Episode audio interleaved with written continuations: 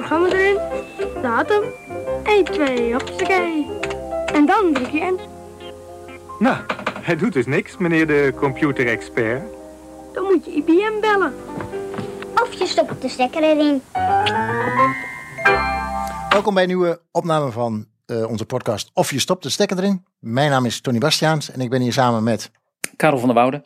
en Baren Baarsen. en vandaag is onze gast Damian Zwietering. Damian. Wat doe jij binnen IBM?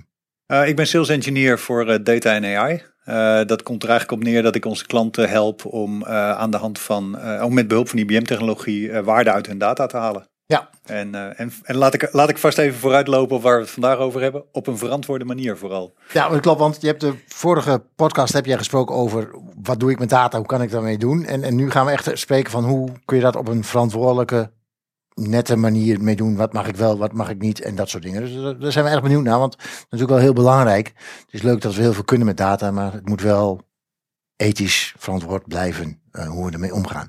Ja. Um, maar heb jij nog wat leuks meegenomen? Ja, ik wilde me eigenlijk gelijk wel inkoppen. Maar als we het dan toch over data hebben, dan uh, ja, dan. Uh, ik, ja, ik ben even gaan zoeken op, uh, op de website van IBM. En ik kwam tegen dat ze weer twee hele mooie bedrijven hebben overgenomen. En een van die bedrijven is databand.ai. Even, ja, als ik het goed zeg. ja, ik verontschuldig me gelijk al als ik het verkeerd zeg. Maar dat is ook, ook weer een hele mooie oplossing. eigenlijk een soort van start-up was het. Die, die, die een oplossing biedt voor, voor big data. En dat is meer om, als ik het goed zeg, en ik denk dat Damian het beter weet dan dat ik weet, is om eigenlijk data uh, gezond te maken. Gezond voor AI-oplossingen bijvoorbeeld. En als ik zeg gezond, zou jij dat verder uit kunnen leggen? Ja, zeker. Kijk, als je bijvoorbeeld, uh, nou ik noem maar wat, stel dat je een verzekeraar bent en je uh, wil gaan analyseren uh, hoe, hoe het gedrag van claims op polissen is bijvoorbeeld, dan heb je daarvoor de leeftijd van de, van de, van de verzekeringnemer nodig. die heb je niet altijd nodig, dus dat is een mooie, mooie alvast, alvast voor straks zou ik bijna zeggen. Maar als het bijvoorbeeld om een levensverzekering gaat, dan heb je niet alleen de leeftijd nodig, maar heb je bijvoorbeeld ook het geslacht van degene nodig. He, want geslacht heeft te maken met levensverwachting, dus als je met levensverzekeringen bezig bent, dan moet je het geslacht weten. Nou, dan moet je dus, daar, daar verwacht je dus een bepaalde datakwaliteit. Hè? Want je moet dat natuurlijk wel weten van mensen uh, op een betrouwbare manier. En voor hele oude verzekeringen weet je dat misschien wel helemaal niet zeker. Is dat nooit echt duidelijk vastgelegd. Niet goed naar de database gemigreerd. Dus je hebt bepaalde veronderstellingen over van wat daar zou moeten staan aan, uh, aan, aan leeftijdsverdeling bijvoorbeeld. En aan geslachtsverdeling. Uh, dus um, de databand, daarmee maak je eigenlijk die aannames heel expliciet. Dus je zegt eigenlijk van hey, hier zou mijn data aan moeten voldoen. En je gaat ook controleren of dat ook inderdaad zo is. Maar je gaat het ook monitoren, want er worden weer nieuwe polissen afgesloten, er komt nieuwe data bij, uh, binnen. Misschien neem je als verzekeraar wel een extern bedrijf over waar ineens een heleboel polissen bij, erbij komen in jouw portfolio. Dan wil je dat die ook aan die eisen voldoen. Dus je wil eigenlijk continu monitoren dat de verwachtingen, de aannames die je hebt over je data, dat die ook nog steeds waar zijn. Nou, dat ja. is eigenlijk even, even heel kort uh, wat Databand voor je zou doen. Nou, eigenlijk een, ja. uh, pakket die iedereen wel goed kan gebruiken, denk ik. In ieder geval iedereen met een, uh, met een behoorlijke database. Ja, absoluut. Ja, ja, ja. ja. En ja, sorry, uh, ik, ik zie Karel ook al in de stad zitten, maar ik, ik, heb, ik heb er nog eentje. Oh. Want ja, IBM kocht twee bedrijven over in, in ja, we, we hebben de laatste tijd regelmatig bedrijven overgenomen. Dus ja, nou, maar in ieder geval de laatste tijd die ik heb even gezien. Ja. En de tweede is Randori, als ik het ook weer correct uitspreek. En dat is meer een bedrijf die zit in de security hoek. En wat hij eigenlijk doet is, uh, dat is eigenlijk een bedrijfje wat volgens mij gestart is door uh, ethische hackers. En die aan de hand van dit programma wat zij ontwikkeld hebben, gaan ze eigenlijk, ga je eigenlijk jezelf aanvallen. En aan de hand van dat weet je welke, ja, welke onderdelen van jouw bedrijf uh, kwetsbaar zijn. En weet je ook dat je je daarvoor kan, kan beschermen. Want als je ook uh, om, om je heen kijkt en, en, en kijkt wat je tegenwoordig allemaal inzet. Er zijn heel veel third party. Uh, je gaat veel IoT uh, dingen ja, aan, je, aan je netwerk toevoegen om extra informatie binnen te krijgen. Die database van Damian veel verder te, te vullen, zal ik maar zeggen, met hele goede informatie. en dan is het ook goed dat je dat af en toe test. Ja. nee, ben ik niet via die hele mooie IoT-oplossingen, ben ik daardoor niet uh, heel erg uh, gevoelig ja. voor aanvallen. En daar kan dit, uh, dit, dit, dit, programma heel goed bij helpen. Dus ja, oké. ik zal wel even een linkje plaatsen zeker. in de show notes. Super. Jij had ook nog wat Karel meegenomen? Ik zie Ja, nee, zo ik zie- ja, eh, spring, spring.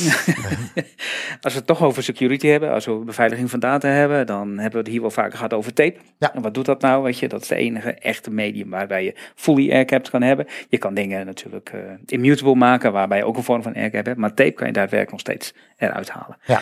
Zo wordt het ook daar aangegeven. Maar ehm LTO.org, waarin eh, dus een aantal bedrijven zitten, waaronder IBM, HP, eh, Quantum. Eh, die, L- LTO is een tape standaard. LTO is een tape standaard. Heel goed, dankjewel. Is het een afkorting? Linear tape open, ja, dat is ook Nou, nog een kijk. afkorting. ja, die kennen we wel. Eh, als we naar het jaar 2021 keken, daar is een rapport over, dan zie je toch dat daar een groei is geweest. De grootste groei, volgens mij sinds 2006 zelfs, werd daar aangegeven, eh, van 40% zeg maar, ten overstaan van het jaar eh, 2020. Dus dat is een enorme groei aan tapecapaciteit die ingekocht is door andere bedrijven. En als we kijken, waarover hebben we het dan? 40% dus tape-markt, de LTO-markt, en dat is de grootste tape-markt zo'n beetje die, die we in de Ja. IT kennen, is dus 40% gegroeid in is 2021 ten meer opzichte van... capaciteit afgenomen dan dat van de jaren daarvoor eh, was, zeg maar. En als we zeggen over wat voor capaciteit hebben we het dan? 148 exabyte aan tapecapaciteit wat is afgenomen. En dan zeggen ze wel bij compressed, zeg maar. Maar dan nog hoeveel, hoeveel weggeschreven kan worden op tape. En dat is Nog ja, een keer, hoeveel? 148 exabyte aan tapecapaciteit. Karel gaat even uitrekenen hoeveel nulletjes dat zijn. Aan het einde van de schrijven. podcast dan komen we daar even op terug. Ja, dat is nog wel een leuke, zeg maar, als je daarin kijkt van ze eh, waarom is tape nog steeds eh, belangrijk? Waarom wordt er naar gekeken? Is zij kijken naar de 3-2-1-1 regel, oftewel drie kopieën van tape, waarvan er twee op verschillende media moeten staan, één offsite en één offline, zeg maar. In dat soort dingen wordt meegenomen door dit soort organisaties. Nog een keer opnieuw, want die, daar ging ergens volgens mij niet goed met je 3 2 Nee, zij geven aan het liefst drie kopies. Ja, drie Ja, kopies, dus ja. kopies. Of versies, maar hoe je dat beheert. Waarvan je minimaal twee verschillende media nodig hebt. Dus het kan ook zijn dat je twee op disk hebt staan en één op tape bijvoorbeeld. Dus drie verschillende eh, kopieën. En waarvan één offsite en één offline. Dus dat, maar net hoe je dat inpakt. Maar er zijn verschillende manieren waarop je dat kan doen. En dat noemen zij LTO door door de 3-2-1-1 versie. 3, 2, 1, dus- 1. Ja, dat ga ik Link komt erbij, nalezen, het staat want, erin. eh, Je mag het nog helemaal nalezen als je Even- het wil. Maar in ieder geval, dit, dit is gewoon een hele. Ik, ik, eh, ik heb hiervoor ook eh, ergens anders gewerkt. En ja, dan ga ik even terugwerken, want ik was ook verantwoordelijk voor de tape. Maar net wat je zegt, je, je, je probeert meerdere kopies te maken van je data. Zodat als één kopie niet goed is, dat je het in ieder geval nog wat terug kan zetten. Ehm, ik had er dan minimaal sowieso twee. Eentje die stond, ik had TSM toen. Dus TSM backup dan gewoon een harddisk, of eigenlijk ook naar tape. Maar ik had tape onsite, dus die in die hele mooie TSM backup zat. En ik had dan altijd aan het einde van de week had ik een hele mooie set en die bracht ik dan Offsite, ex offsite. Ja, dat kan. dus op zich zat ik redelijk in de buurt, niet helemaal geloof ik, maar eh, ik Ja, dat, had ik dus moeten doen met mijn vakantiebandjes eh, van, de, van de muziek. Dan had ik dat tenminste nu nog terug kunnen luisteren. Maar nou, oké, daar ging het mis. Ja. Maar toen had je nog geen ander medium, hè? Nee. Nee, maar dat hoeft ook niet. Maar media als je er maar twee hebt. Hè. Ja. dat begreep ik toch net. Dat was toch Nee, niet... drie kopieën. Eh, dus. Maar laten we daar niet helemaal in doorgaan. Toen versus nu zitten wel wat verschillen over in. En ook de mogelijkheden tegenwoordig zijn we dan. Eh, laten we snel teruggaan naar Damian, onze gast. Ehm, security, data. De vorige podcast had jij wat, wat, wat we kunnen doen met data. Nou, er is heel veel. We kunnen daar heel veel uithalen. Ehm, maar in deze tijd is het ook heel belangrijk van... Ja, hoe doen we dat secure, maar ook ethisch. Ehm, hoe, hoe gaan we ethisch met data om? Wa- waar- wa- hoe merk je dat in de praktijk, waar, in jouw dagelijkse praktijk? En, en, en, en hoe, hoe kijken wij daar als IBM tegenaan? Nou, ik, ik zeg altijd, eh, ethiek, eh, rekening houden met ethiek betekent eigenlijk dat je eh, gaat kijken naar wat je met data van bijvoorbeeld personen doet. Hè. Personen is een eerste eenvoudig voorbeeld. Ik denk dat we straks ook nog andere zien. Dat je gaat kijken van wat je met die data doet, wat voor gevolgen heeft dat voor die personen. Ik denk dat dat het, eigenlijk het belangrijkste uitgangspunt is van ethiek. En daar moet je dus iets van vinden als organisatie. Op het moment dat je bijvoorbeeld gaat kijken naar eh, uitkeringen. Ik heb heel veel gedaan in de, in, de- voor gemeentes om te kijken van op wat voor, eh, in wat voor omstandigheden ken je nou bijvoorbeeld een uitkering toe en in welke omstandigheden niet. Hè? Dus dat, dat ging niet over fraude, maar over gewoon rechtmatigheid. Ja. Eh, en het had ook te maken met procesoptimalisatie. Hè? Dus gewoon domweg de ambtenaar die op vrijdagmiddag om twee uur nog, nog 50 eh, uitkeringsaanvragen moet goedkeuren. Omdat hij anders zijn deadline niet haalt en daar, daar, daar staan weer boetes tegenover. Uh, ja, die moet op de een of andere manier moet die, moet die daar even snel doorheen, door die stapel, bij wijze van spreken. Kun je nou de, de uitkeringsaanvragen waar iets mee aan de hand is, kun je die nou bovenop de stapel krijgen voor hem, hè, virtueel. Zodat hij die als eerste ziet. En dat degene waar eigenlijk waarschijnlijk helemaal niks mee aan de hand is, nou ja, die, uh, die, die, die, daar heeft hij misschien geen tijd meer voor. Maar dat is dan dus ook niet zo erg. Hè? Dus daar komt het op neer. Want gewoon domweg een capaciteitsprobleem. Hè? Ik bedoel, ze kunnen gewoon niet meer uh, aanvragen verwerken. Nou, als je in, dat hele, in die hele situatie gaat kijken naar welke data gebruik ik daar nou voor. Uh, dan zit daar bijvoorbeeld ergens tussen uh, persoonsinformatie ja. hè, de, van, van de persoon die die uitkering aanvraagt. Dat kan bijvoorbeeld een geslacht zijn.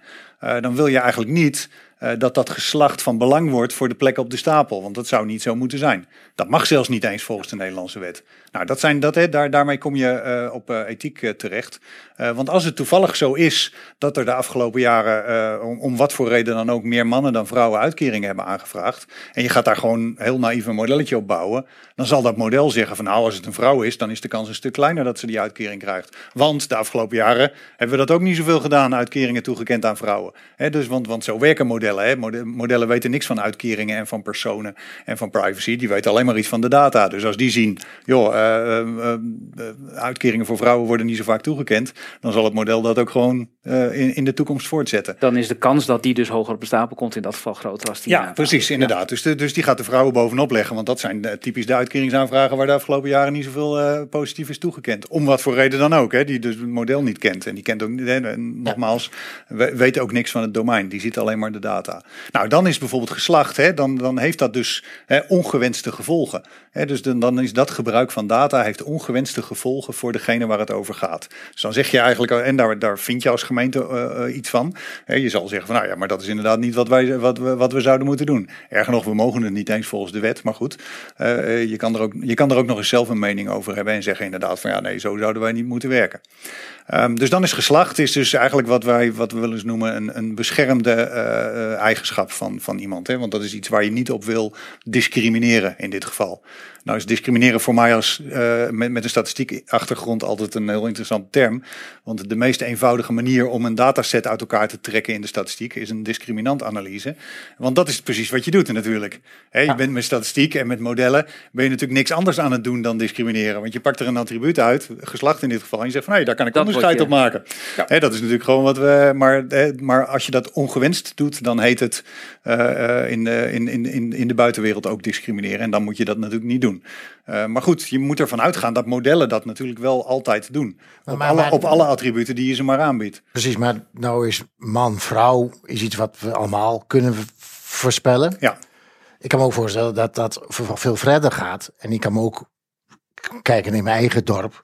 Voorstellen dat je bijvoorbeeld zegt, ja, maar hoe, nou, die wijk, dat, uh, daar zit veel meer fraude. Of dat je op postcode al gaat. Dat het misschien niet eens een, een, een, een duidelijke is waar je op zou willen selecteren. Maar dat zou, zou er dus ook één kunnen zijn. Dus het gaat eigenlijk wel veel verder dan, denk ik dan, uh, de traditionele ja, wat iedereen kan verzinnen, man, vrouw, leeftijd, uh, dat soort dingen. Absoluut. En, en, en hè, wat ik net aangaf is eigenlijk een beetje de top-down benadering, hè, waarbij je zegt van we, dat, dat, hè, dat, dat willen we met z'n allen niet in dit geval op geslacht discrimineren. Uh, als je bijvoorbeeld een cardioloog bent en je kijkt naar hartklachten, dan wil je juist wel op geslacht discrimineren, want die zien er, hartklachten zien er bij vrouwen echt heel anders uit dan bij mannen. Dus, hè, dus, dat, is een, hè, dus de, de, dat, dat hangt heel sterk af van het domein. Maar dan ga je eigenlijk zeggen van oké, in dit domein is dit geaccepteerd.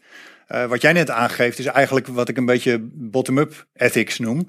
In, in, tegenstelling tot de top-down benadering die ik net zag. Gij zult, dit zijn de regels, hier moet je aan voldoen. Uh, dit mag wel, dit mag niet. Moet je ook ontdekken wat er aan de hand is. Um, een, een heel duidelijk voorbeeld is, ik zal proberen het kort te vertellen, is ik, heb, ik deed een keer een analyse voor een gemeente. Uh, ik kreeg dus de dataset en daar, die was netjes geanonimiseerd uiteraard. Dus ik zag sowieso geen personen, maar ook alle uh, uh, gegevens waren eruit gehaald waar ze niet op wilden discrimineren. dus bijvoorbeeld geslacht zat er niet in, land van herkomst zat er niet in. al die dingen waarvan je zegt van hé, dat, daar, moeten we uit de buurt blijven. Um, maar de, ze, waren, ze hadden ook netjes de namen eruit gehaald, hè, dus was netjes geanonimiseerde data. Ze hadden per ongeluk de kolom erin laten staan met het middendeel van de naam. Dus waarbij Nederlanders van en van de en van der en en dat soort namen, tussennamen staan, kun je je voorstellen dat dat voor mensen met een andere herkomst, dat daar hele andere dingen staan. ik ging analyseren, ik ging kijken naar het toekennen van, van uitkeringen. en het model, want modellen zijn altijd heel inhalig, zeg ik altijd. Hè. Het belangrijkste effect komt als eerste naar boven, van nou hier is wel wat aan de hand.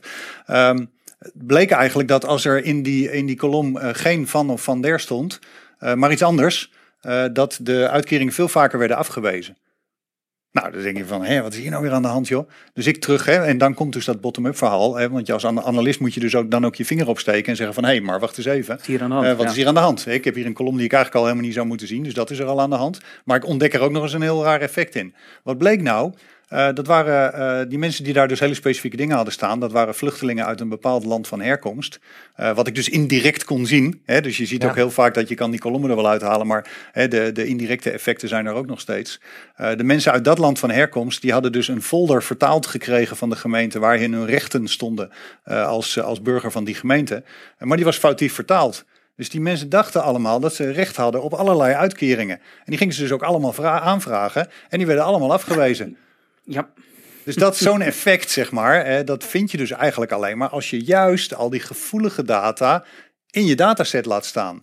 Dus ik zeg eigenlijk ook altijd al, en dat, daar was ik, altijd, was ik al een beetje mee bezig, maar zeker sinds dat voorval zeg ik ook altijd, maak nou eerst eens een model met alle data, ook al die gevoeligheden, en kijk nou eens een keer als organisatie eerlijk, van misschien ben ik wel aan het discrimineren geweest op land van herkomst, of op geslacht, of op leeftijd.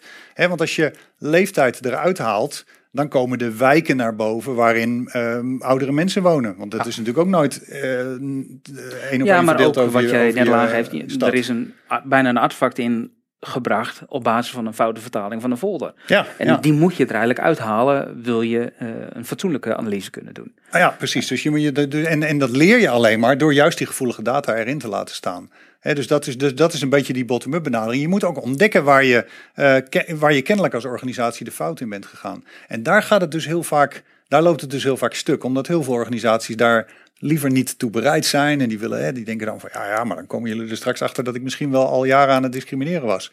En dan zeg ik altijd van nou, goed dat we daarachter komen, want dan kunnen Ja, jullie er nu doen. mee stoppen. Ja. Maar ja, eh, Is, is een organisatie zich daar altijd van bewust om eh, dat ze eh, op ethiek moeten passen tegenwoordig? Of is dat toch iets wat jij elke keer weer inbrengt en dat je ook merkt af en toe van hey, Het begint de, afgelopen jaren, omdat er natuurlijk hele expliciete wetgeving is gekomen, hè, ook op het gebied van privacy bijvoorbeeld. Hè, eh, dan, eh, dat, dat is natuurlijk gewoon, daar moet je gewoon aan voldoen. Hè, dus je hebt, je hebt een beetje, nou ja, half om half zou ik bijna zeggen, eh, de organisaties die expliciet naar ons toe komen en zeggen van, kun je eens onderzoeken hè, of, het, of het ook inderdaad goed gaat hier? Hè, en of we niet, niet, niet iets verkeerd aan het doen zijn. Want ja, we, we houden geen rekening met geslacht, maar misschien is geslacht indirect wel toch op de een of andere manier vertegenwoordigd in onze, in onze dataset.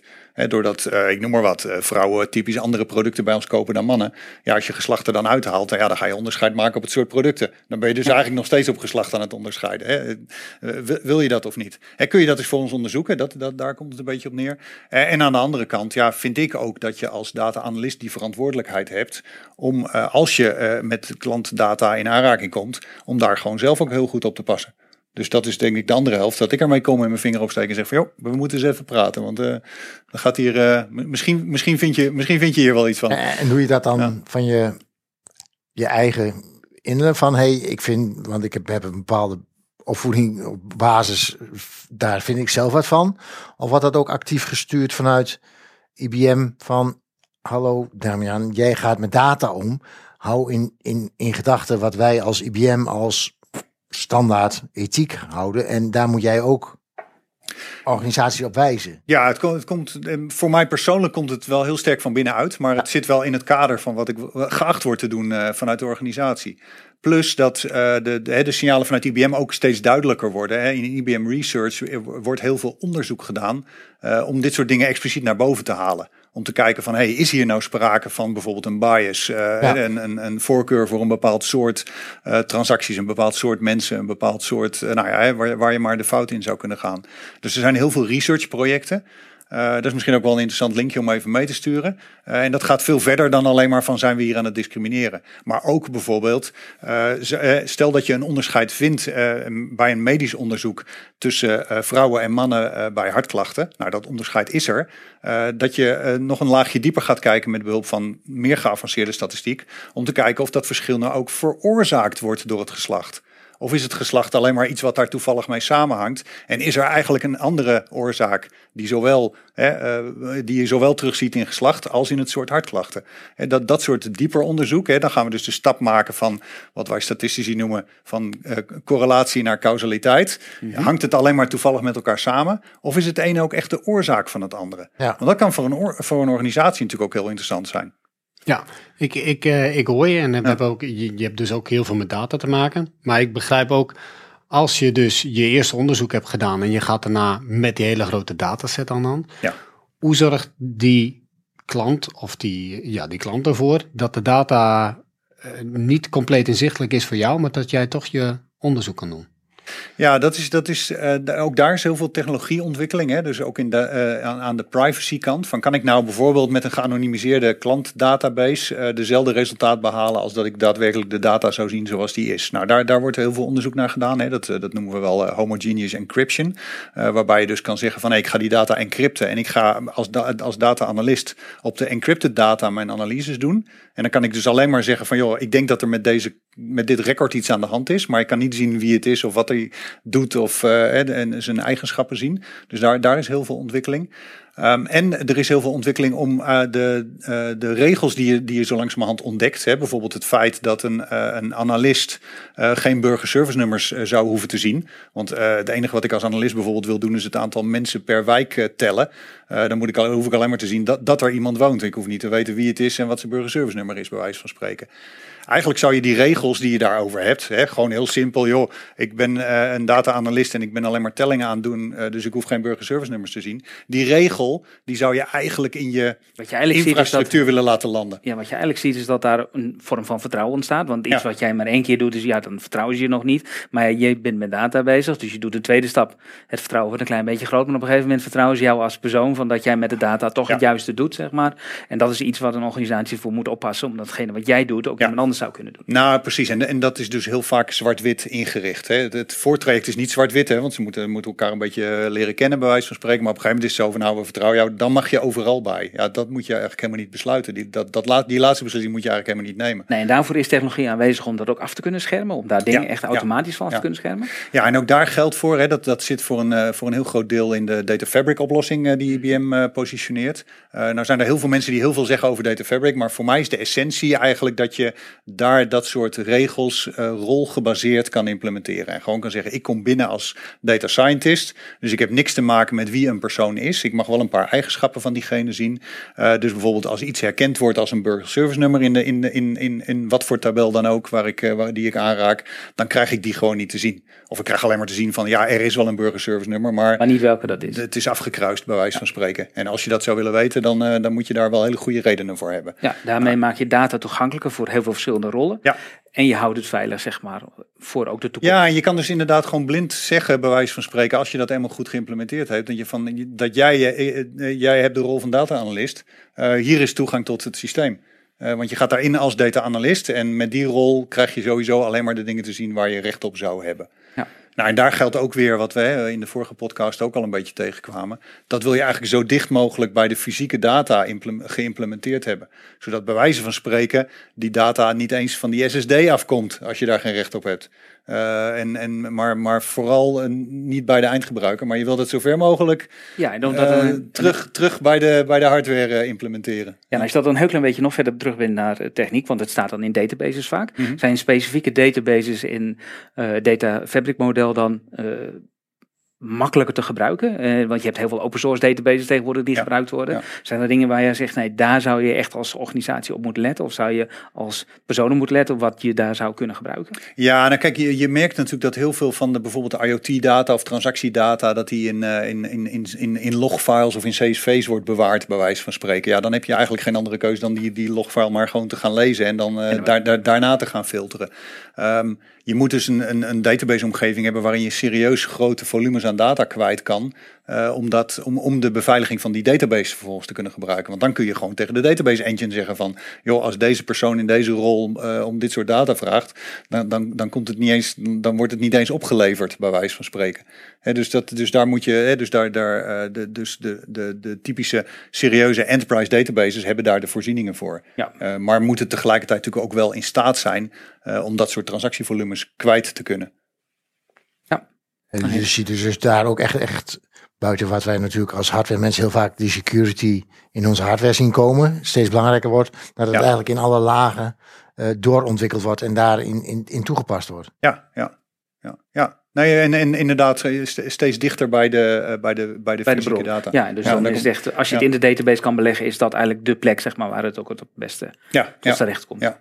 Ja. Ja. En wat je, wat je ook ziet natuurlijk is, is als je het niet daar houdt, dat je dan weer kopietjes schrijft van kopietjes en nou ja, dan raak je alles gewoon kwijt. ja, absoluut. Versies. Ja, nee, zonder meer. Dus ja, uh, ja. als je alles op één plek houdt, daar de beveiliging goed houdt en zorgt ervoor dat iedereen op de juiste manier bij die data kan, dan hou je het veilig, maar ook up-to-date. Ja, zeker. Ja, ja. Nee, en dan inderdaad, en, en door dat in een serieuze database-omgeving te doen, uh, hoef je ook geen afslag te maken in een filetje. Want dan, nee, hè, daar dan, kan dan je gewoon op meewerken. Zeg ja, dan is het gewoon, uh, dan, dan is dat ook gewoon de snelste en de makkelijkste manier om erbij te komen. Dus uh, ja. ja, eigenlijk. Toch? Zeker. Ik ben een heel stuk wijzer geworden in ieder geval. Over, ja, nee, ik hoe jij omgaat met dit Erg interessant en, en, en goed om te horen dat daar echt over, ja, goed om te horen dat er goed over nagedacht wordt. Maar je merkt wel dat dat natuurlijk steeds belangrijker wordt. En, en, ja. Het zit veel meer dus langzamerhand in de DNA van iedereen die met data ja. bezig is. En dat is ook goed om te horen. Niet alleen de wetgeving, maar het vormt echt een onderdeel ervan. Ja, precies. Ja. ja. Ja, ja en, en, letterlijk tot aan de systemen toe, inderdaad. Ja. Dat is, uh, ja. ja. Ja, even helemaal weer. Uh, ja, leuk. Ja, dankjewel, uh, Damian, uh, voor deze heldere, goede uitleg erin. En uh, mooi verhaal. Dankjewel. Ja. Uh, voor nu trekken wij de stekker er weer uit. En uh, tot de volgende keer. Ach, Dankjewel. Keer.